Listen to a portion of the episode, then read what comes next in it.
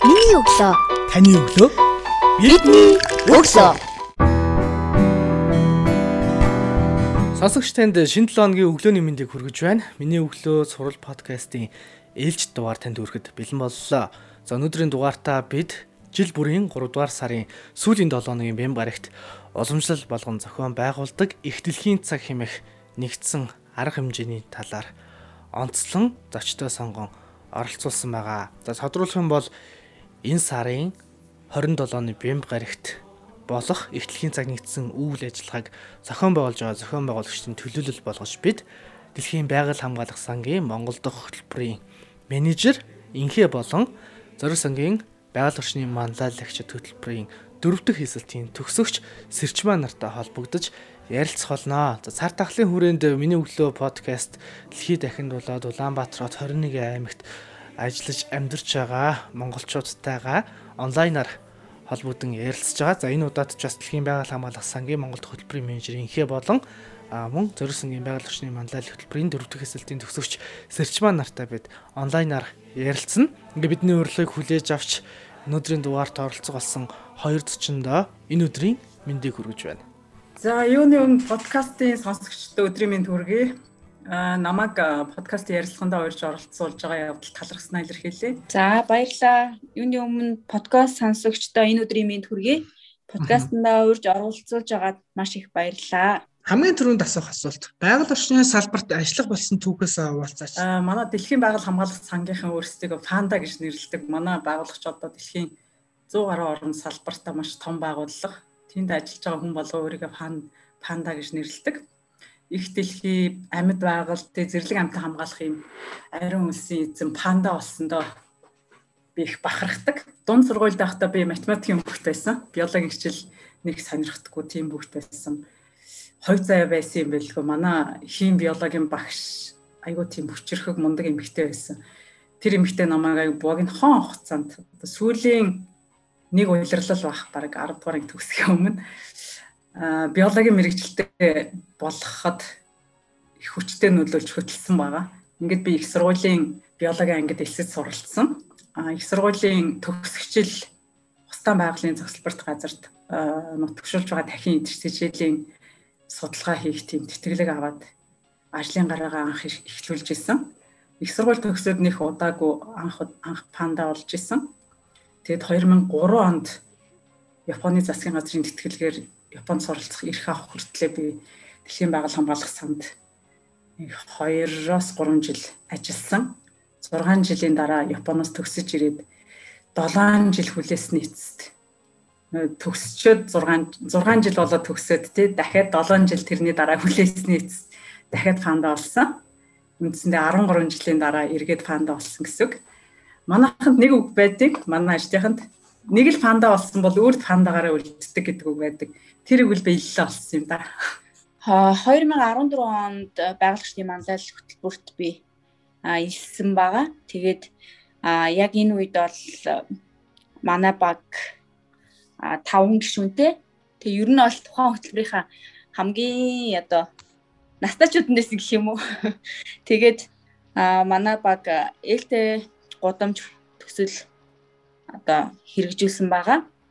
Тэгээ энэ хөтөлбөрийг одоо сонгох болсон шалтгаан гэх юм бол а мэдээж одоо өөрийнхөө үеийн залуучуудтай танилцъя, танилын үрийгээ тэлье, байгууллагчны чиглэлээр харилцаа холбоотой хамтран ажиллая, бусдаас сайн сайхан одоо суралцъя гэж өөрийгөө хөгжүүлэе гэж орсон байгаа. Тэгээ манай хөтөлбөр маань хөтөлбөрийн хүрээнд манай баг маань болохоор ээлтэй гудамж төслийг чингэлдээ дүүргийн нэг гудамжин дээр хэрэгжүүлсэн байгаа.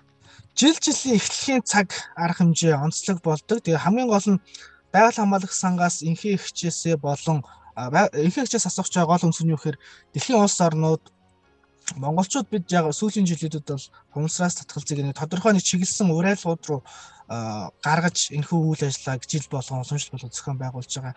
Тэгвэл бас энэ үйл ажиллагаа зөвхөн Улаанбаатар хот гэхгүйгээр орон нутагт зохион байгуулж байгаа сайн дуршлаг бол бүхэн бас Сэрчмаагаа сонсгоо хаа гэж бодож байгаа. Сэрчмаагийн хувьд бол орон нутагт ажиллаад бас энэ нэгтгэхийн цагийг гардаж Орхон аймагт зохион байгуулж байгаа маш сайн туршлагууд бол байгаа. Энэс үүдээд бусад аймгийн одоо манай байгаль орчны манлайлагч хөтөлбөрөөс салбархан гарсан орон нутгийн байгаль орчны манлайлагч хөтөлбөрийн төгсөгч залуучууд бас орон нутгад энэ эхлэлийн цагийг нэгэн зэрэг зохион байгуулах юм ажил бол жилээс жилд хүрээгээ тэлээ явж байгаа. Энэ сайн жишээ юм да гэж харж байна. Тэгээд та хоёр маань энэ эхлэлийн цаг гэдэг нэгдсэн арга хэмжээг энхээ эхчийн зүгээс бол дэлхийн бусад улс орнуудад хэрхэн яаж тэмдэглэн өнгөрүүлж ямар уриалгыг дэвшүүлж байна. Энэ жил манай Улаанбаатар хотод Монгол улсад зохион байгуулж байгаа зохион байгуулалтын багийн зүгээс ямар уриалгыг дэвшүүлж голлон ажиллаж байгаа. За харин нөгөө талаас эрчмээс орон нутагт хэрхэн бас яаж ажиллаж байна гэж асууя. За баярлалаа. Ер нь энэ ихтэлхийн цаг гэдэг энэ арга хэмжээ анх 2007 онд Австралийн Сидней хотод зохион байгуулагдсан цагаас хойш маш их өргөжж хүчин авсаар одоо дэлхийд дээр байгаа хамгийн том тийм итгэлхийнхээ төлөө олон нийтийн хөдөлгөөн болж хувраад байна эхэлсэн цагаасаа яг хуу энэ яадгүй гэхэлэр гудамж талбай хотын гэрлэг тийм нэг цагийн туршид унтрааж олон нийт нөгөө дуу хоолойгоо шийдвэр гаргагчдад хүргэхтээ анхаарлыг нь татах их дэлхийхээ төлөө одоо арга хэмжээ авахуулах ийм уламжлалтай бэлэгдэлтэй ийм арга хэмжээ байгаа. Ерөнхийдөө игнэндээ дэлхийн бараг 180-аад орны сая сая хүмүүсийг нэгтгэсэн хөдөлгөөн болж өргөжж хүч аваад одоо бүр нөгөө улс үндэстэн олон улсын хэмжээний дэлхийн хэмжээний бодлого шийдвэрт нөлөөлөх хэмжээний ийм том хүч болж хувираад байна л да. Манай монголчууд хилдэг шүү дээ олонний хүч олонгүй далаа гэд яг л ийм болж байгаа. Энэ бол өстой их утгаараа харагдаж байгаа. Сая ганаа маань хэдлээ тэ жилбэрэн 3 дугаар сарын сүүлийн бэм гарагт тэмдэглэж өнгөрүүлдэг гэд энэ жилийн арга хэмжээний онцлог бол яг нь бид нар нөгөө яг нийтлэг энэ үйл ажиллагаагаа ажиллагааныхаа мөн чанарыг харуулсан тий.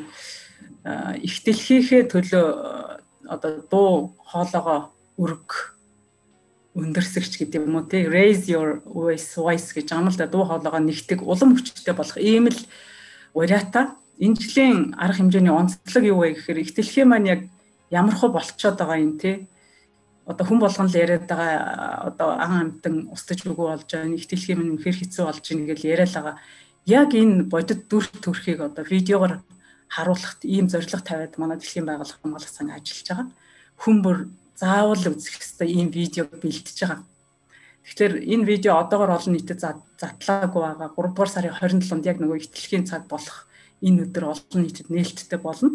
Тэр үед нь одоо та юу хийж болох вэ гэхлээр өөрийнхөө Facebook нийгмийн сүлжээтэй Facebook, Instagram, Twitter гэх мэт нийгмийн сүлжээгээр бусдаа хуваалцах ямар л боломжит хувилбар байнууд нь тэр хувилбаруудаар хуваалцаж түгээж хувь нэмрээ оруулаарай. Одоо шеэрлэж болно, найз нөхөд хайртай хүмүүсээ меншн хийж тааглаж болно тий.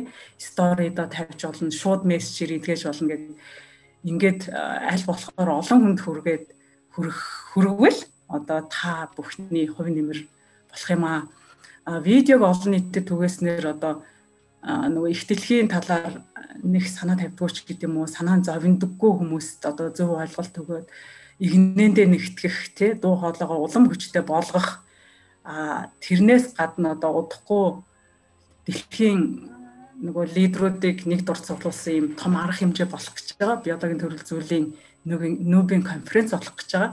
Энэ конференцд одоо олон нийтийн юм хүчтэй дуу хоолой хүргэж тэгснээрээ одоо зэрлэг амтан байгальд э, хэрэгтэй юм э, шийдвэр шийдвэр гаргахад нөлөөлөхтэй хүчтэй үйл ажиллагаа явуулах ийм том зорилго тавьчихсан ингээд ажиллаж байгаа энэ жилийн онцлог байна. Миний хувьд болохоор 2017 оноос эхлээд анх Эрдэнэ хотод зохион байгуулж исэн.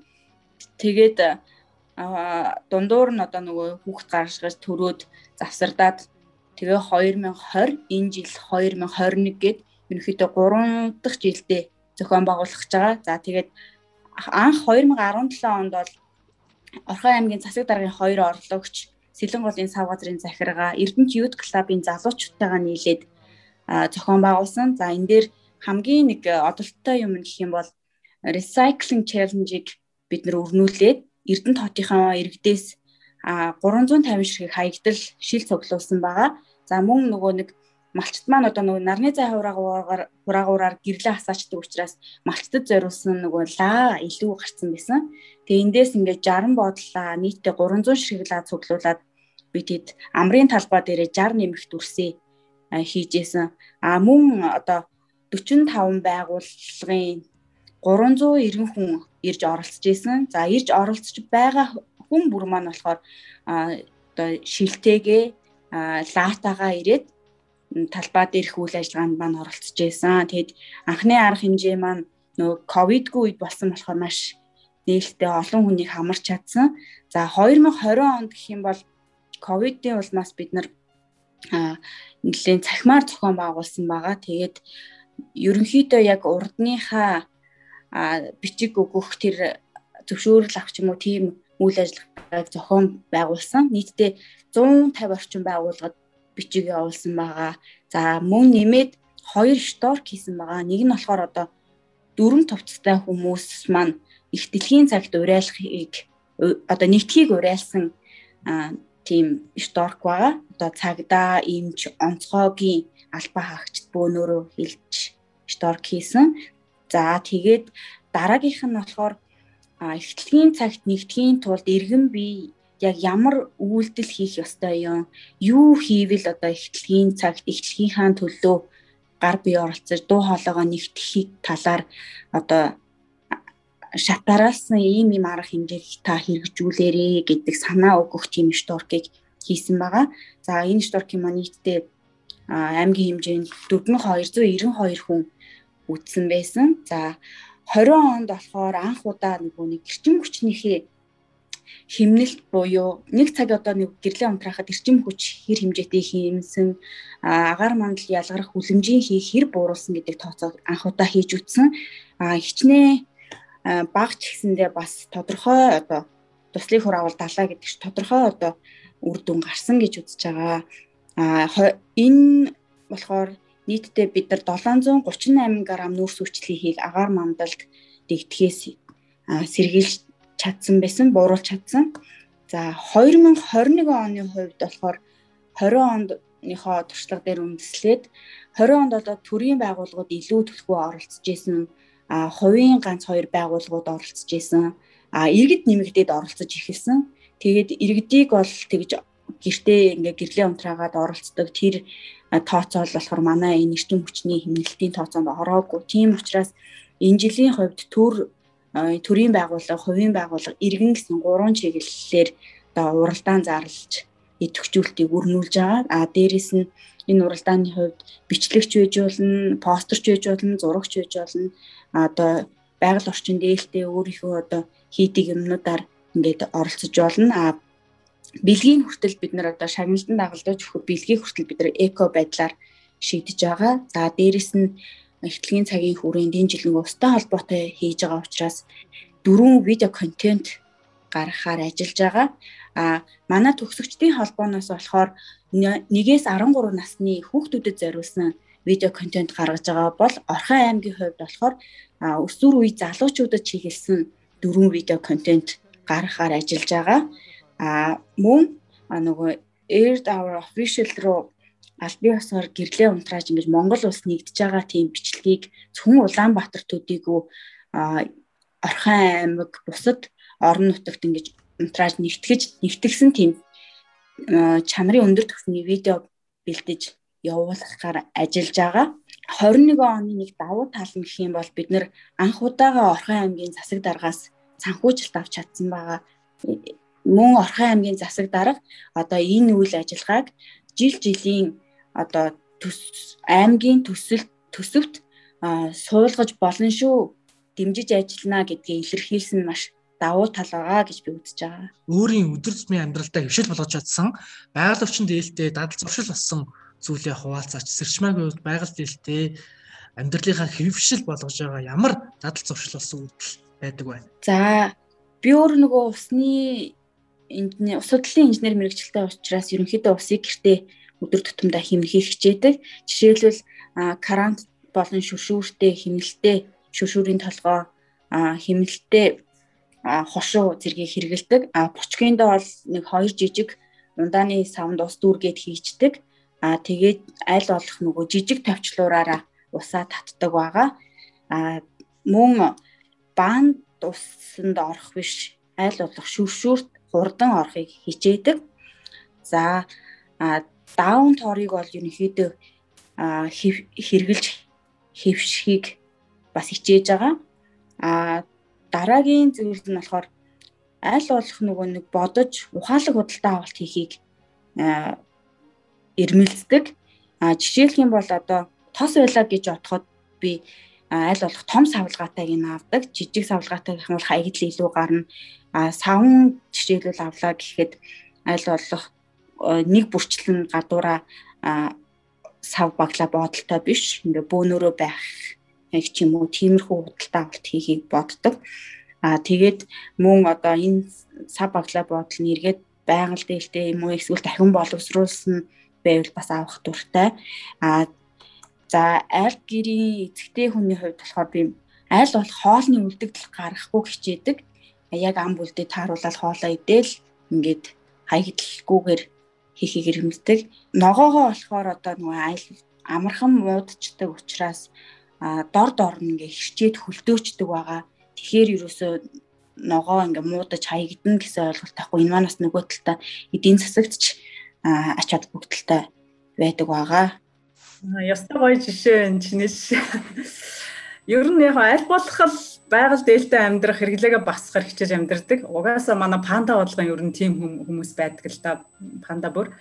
Жишээ нь би одоо сүүлийн үед юу хийж байгаа гэхэлэр шаардлага гарахгүй л бол дэлгүүр явахгүй байх юм зорилго тавиад амьдарч байгаа. Ер нь бол бас аяйгу багасч байгаа би хүнсээ цуглуулах ч гэдэг юм уу бүр үнэхээр л дэлгүүр явж юм авах шаардлага гарахгүй бол зорилгогүйгээр дэлгүүр явах болсон. Хэрэглээгээ багасгах зорилготой гэсэн үг. Тэгээ ер нь хараад ахад сүүлийн үеийн залуус айгу мундаг болсон биш тэгээ хандлага тэгээ эерэг хандлагатай боловсон болсон байна. Нийгмийн сүлжээгээр ч гэсэн байгаль дээлтэй амьдрах талаар маш сайн агуулгатай мэдээллүүд их явдаг болсон байна тий. Хогоо багасгах, яаж дахин ашиглах вэ гэдэг иймэрхүү группуд маш их болсон байна шүү дээ. За баярлалаа. Би ер нь асуултаа та хоёроос гол нь тавиал хоёр хариулт сонсоод явуул амар юм байна. Тухайлан сэрчмаагаас асууя, ихээ хичээс асууя гэж яхаа оронд тийм ээ. Тэгээд та хоёр бас ингэж яг хуваагдаад хариулчвал зүгээр юм байна гэж бодож байна. Аа за. Нэмэт нэг хэлэхэд Монголд анх 2010 оноос бид нар тэмдэглэж эхэлсэн. Тэгээ угаасаа одоо энэ их дэлхийн цаг арга хэмжээний гаргаж байгаа нөлөө одоо хөрсөн дээр яг авчирч гарч байгаа үр дүн гэдэг бол бүр айгүй их байгаа л да. Зарим улсуудад одоо янз бүрийн шин хууль тогтоомж бий болгох тийм жишээ нь Оросд Оросд одоо ой хамгааллын тухай хууль 2013 онд их дэлхийн цагийн нөлөөгөөр бий болсон шигтэй. Аргентинд 3.5 сая га талбай бүхий Э, далаа тэнгисийн цэцэг хамгаалалттай газар авсан байх жишээ. Ингээд аягүй их жишээ байгаа. Манайхны хувьд Монголын хувьд бид нар Ховд аймагт иргэдээс хөрөнгө босгоод 100000 мод тарих ийм хөдөлгөөн өрнүүлээд аягүй амжилттай явж байгаа юм жишээ байгаа. За баярлалаа. Та хоёрын хувьд э, яг одоо төлөрч байгаа ажлыг бол би сайн мэдчихэж байгаа. Эхлэлийн цаг дээр төлрөө ажиллаж байгаа. Түүнээс гадна ажил мэргэжилтэйгээ холбоотой ямар ажил дээр төлрөө ажиллаж байна? Ажилдаа нь ямар арга барилаар ханддаг вэ? Манай багийн хувьд одоо сүүлийн үед хамгийн том төвлөрч ажиллаж байгаа ажил бол бид нар эх 10 жилийнхээ байгаль хамгааллын стратеги боловсруулж байгаа. Өөрөөр хэлбэл эх 10 жил бид нар яг одоо нөгөө байгаль зэрлэг амьтнаа хамгаалах чиглэлээр хийх ажлынхаа бодлогын баримтчгийг боловсруулж байгаа гэсэн үг. Хязгаартай хөрөнгөөр те ямар амьтан ямар одоо байгалийн нөөцийг хамгаалах юм бол одоо их дэлхийд маань хамгийн хүртээмжтэй үр дүн үзүүлж чадах юм бэ гэдэг юм ал гаргаж байгаа гэсэн үг л дээ. Тэгээ стратегийнхаа хүрээнд дараа нь бид нар нөгөө төслийн санал бичээд хөрөнгө босгоод тэр стратеги хэрэгжүүлэх нөхцөлөө хангаад явдаг. Аа бидний ажлын донд ер нь нөгөө олон нийтэд мэдлэг мэдээлэл олгох тий зөв хандлах, сайн дадлыг бий болгох гэдэг ажил бол аюул чухал байдаг. Тиймээс одоо энэ подкаст сонсож байгаа залууст хандж хэлэхдээ сайн мэдээллийг сайн хуваалцж байгаараа иргэн тойрныхаа хүмүүст одоо буруу юм шиг бол шаардлага тавьдаг байгаараа мэдхгүй байгаа хүмүүст хэлж зааж өгөхөөсөө битгий нэрлэхээрээ би бас биеэрээ үлгэрлээрээ гэж хэлмээр байгаа. Миний хувьд одоо ажлын арга барил гэвэл ер нь төлөвлөгөөтэй л ажиллахыг хичээдэг. ажлаа өөрөө хувийнхаа ажлыг 7 7 хоногор өдрөөр төлөвлөдөг. Аа тэгээд нөгөө ажлын хувьд бол бид нар угаасаа урт хугацааны бодлого 10 жилээр тодорхойлоод тэрийгэ дахиад 3 жилийн юутай дунд хугацааны баримт бичиг дараа нь жил жил улирлаар хагас жилээр улирлаар гэд ингээд төлөвлөө явдаг байгаа. Мэдээж өдөр тутмын хойшлуул гаргахгүй төлөвлөгөө ажлууд хар мянгаар гарч ирж идэг те. Тийм болохоор үндсэн барих хэвээр чиглэх хэвээр чиг шугам алдахгүй бэл хичээдэг те. За миний ажиллаж байгаа байгууллага маань болохоор Сэлэн голын сав газрын захиргаа гэд байгууллага байгаа. Одоо Дөрвөн аймгийн 24 сум хамарсан нутаг дэвсгэртэй. Тэгээд а манайд болохоор гол баримталж хэрэгжүүлдэг зүйл маань болохоор усны нөөцийн нэгдсэн менежментийн төлөвлөгөөг бид нар сав газартаа хэрэгжүүлдэг. Манай усны нөөцийн нэгдсэн менежментийн төлөвлөгөө хэрэгжээд дуусж байгаа. Тэгээд бид нар 2030 он хүртэлх усны нөөцийн нэгдсэн менежментийн төлөвлөгөөгөө төлөвлөгөөний төслийг ерөнхийдөө боловсруулж эхэлж байгаа ийм том ажил байгаа. Аа нөгөөх маань болохоор жил бүрийн 3 дугаар сарын 22-нд болдог дэлхийн усны өдрийг бид нэр айл сарын өмнөөс эхлээд ма бэлдээд ингээд олон ажил төлөвлөөд олон нийтэд мэдээлэл хүргээд явдаг. Үүний хүрээнд нэлээд олон ажлуудыг төлөвлөөд хийж байгаа. За бидний сонсож байгаа залуу мэрэгчлүүдэд хандаад тодорхой нэг ажлын ард гарахын тулгардаг маш олон саад бэрхшээлүүд байдаг. Түүний ард даван гарахын тулд өөрийгөө хэрхэн яаж зоригжуулдаг вэ? Тухайн асуудлыг шийдвэрлэхийн тулд ер нь өөрийгөө яаж зоригжуулдаг? Манай хоёр зочдын хувьд. Ааха. Аа би нөө мундаг алдартай хүмүүсийн түүх намтар унших дуртай. Тэгээ тэд нарыг уншиж байхад дандаа тэд нар айгүй том бэрхшээл сорилтуудыг давж иж амжилтанд хүрсэн байдаг л да. Тэгээ бодглохоор яг нөгөө өөр тохиолдсон бэрхшээл сорилтыг бол тэрний дэргэд юуч бишээл гэл өөрийгөө итгүүлдэг. Тэгээд өөр нэг юм нөгөө бэрхшээл сорилттойгоо нүүр тулахдаа алхам алхмаар баг багаар тэгж шийдэх байдлаар ажилдаг. Тэгэхээр зэрэг ер нь яаж ч утсан шийдэлт хүрч юмныхаа ард гарахад амархан байдаг. За мэдээж бэрхшээл бол би одоо нөгөө боломж гэж заримдаа үздэг. За энэ бэрхшээлийг даваад гарахад цаана одоо надад ямар кайфтай, ямар гоё мэдрэмж те одоо өөр өөрө бахархах сэтгэл ч юм уу тэр кайф маш гоё санагддаг. Тийм учраас давж гарсны ардах тэр зүйлээр өөрийгөө зоригжуулдаг. Дээрэс нь тухайн бэрхшээлийг даваад гарсны дараа тодорхой хэмжээнд туршлах суугаад а энийг чи ингэдэг шүү гэд тодорхой бас арга барилтай болоод ингээд суралцаад идэг учраас бэрхшээлийг ерөнхийдөө даваад гарахыг л хичээдэг. Тэгээд давсны ардах тэр хэмжийг мэдрхийг айгүйх хүсдэг. Хоёрын хувь хүнд байх ёстой хамгийн чухал гурван чадварыг нэрлэж чийгвэл ямар гурван чадварыг нэрлэх вэ? Яагаад бас эдгээр гурван чадварыг сонгож байгаа вэ? За нэгдүгээрт зоригтой байх ёстой гэж би боддог. Тэгээд зорилгоо хэрэгжүүлэхийн тулд хоёр дахь нь маш тууштай байх хэвээр ямар ч бэрхшээл сойролд одоо юу ч гарч ирсэн тэрийг даваад туулах те тэрнээс болоо зогсчихгүй тийм тууштай байх хэвээр. Гуравдугаарт тэрнийхээ төлөө цаг үргэлж те зогсолтгүй ажиллаж яадаг байх хэвээр. Зорилготой байх гэдэг бол айгүй чухал нөө амьдрал чиг баримжаа утга учир өгдөгөөс гадна бас зорилготой байна гэдэг бол ямар ч хүнд хэцүү зовлонг туулж гарах тийм тэсэр төвчээр ирчүүж өгдөг. Саяхан би нөө Жо Байденгийн бичсэн нөгөө Promise Me Dad гэдэг нэг ном байдаг. Тэр номыг уншижсэн. Тэрэн дээр бол айгүй тод байдаг л да. Жо Байден нөө Обамагийн засгийн газарт ерөнхийд ерөнхийлөгчийн алба хашижсэн шүү дээ. Яг тэр үед нь нөгөө тэр номон дээр нөө 46 настай хүн бүр нөгөө Америкийн ерөнхийлөгч төрсөлдөх хөөц тийм амбицтай боловсралтай мундаг хөө байхгүй юм тэр хүн тархины хорт хавдар тусаад айгүй хүнд өвчлөөд 2-оос 3 жил байдаг баха тэр гэр бүлээр айгүй хүнд зовлон туулдаг л да. Яг тэр үед Жо Байден яасан гэхэлэр нөгөө өөрийнхөө нөгөө хариуцж байгаа албан тушаалын ажлаа маш сайн гүйцэтгэхээс гадна бүр ерөнхийлөгчөөс өшөө тийм айгүй өндөр хариуцлагатай ажил хүлээж аваад тий олон улсын хэмжээний ажил хүлээж аваад тэрнийхээ төлөө нүүр их хөдөлмөр зарцуулсан тухай тэгжээж тэр хүнд зовлонг давсан тухай битсэн байдаг. Тэгээд бодглоор үнэхэрийн одоо зориг гэдэг бол хүний амьдралд үнэхээр усаар шиг тийм чухал шүү гэдэг зүйлэндээ саналаа. За энэ дээр сая нөгөө инхэгч ярьсандаа ерөнхийд э, санал нэг байна. Тэгээд залуу хүн мэдээж зоригтой зоригдоо тууштай байх хэрэгтэй. Тэгээ ер нь миний ингээд бодож явдаг юм хэм бол одоо өөрийгөө ямар хөгжүүл яах хэрэгтэй гэж боддог.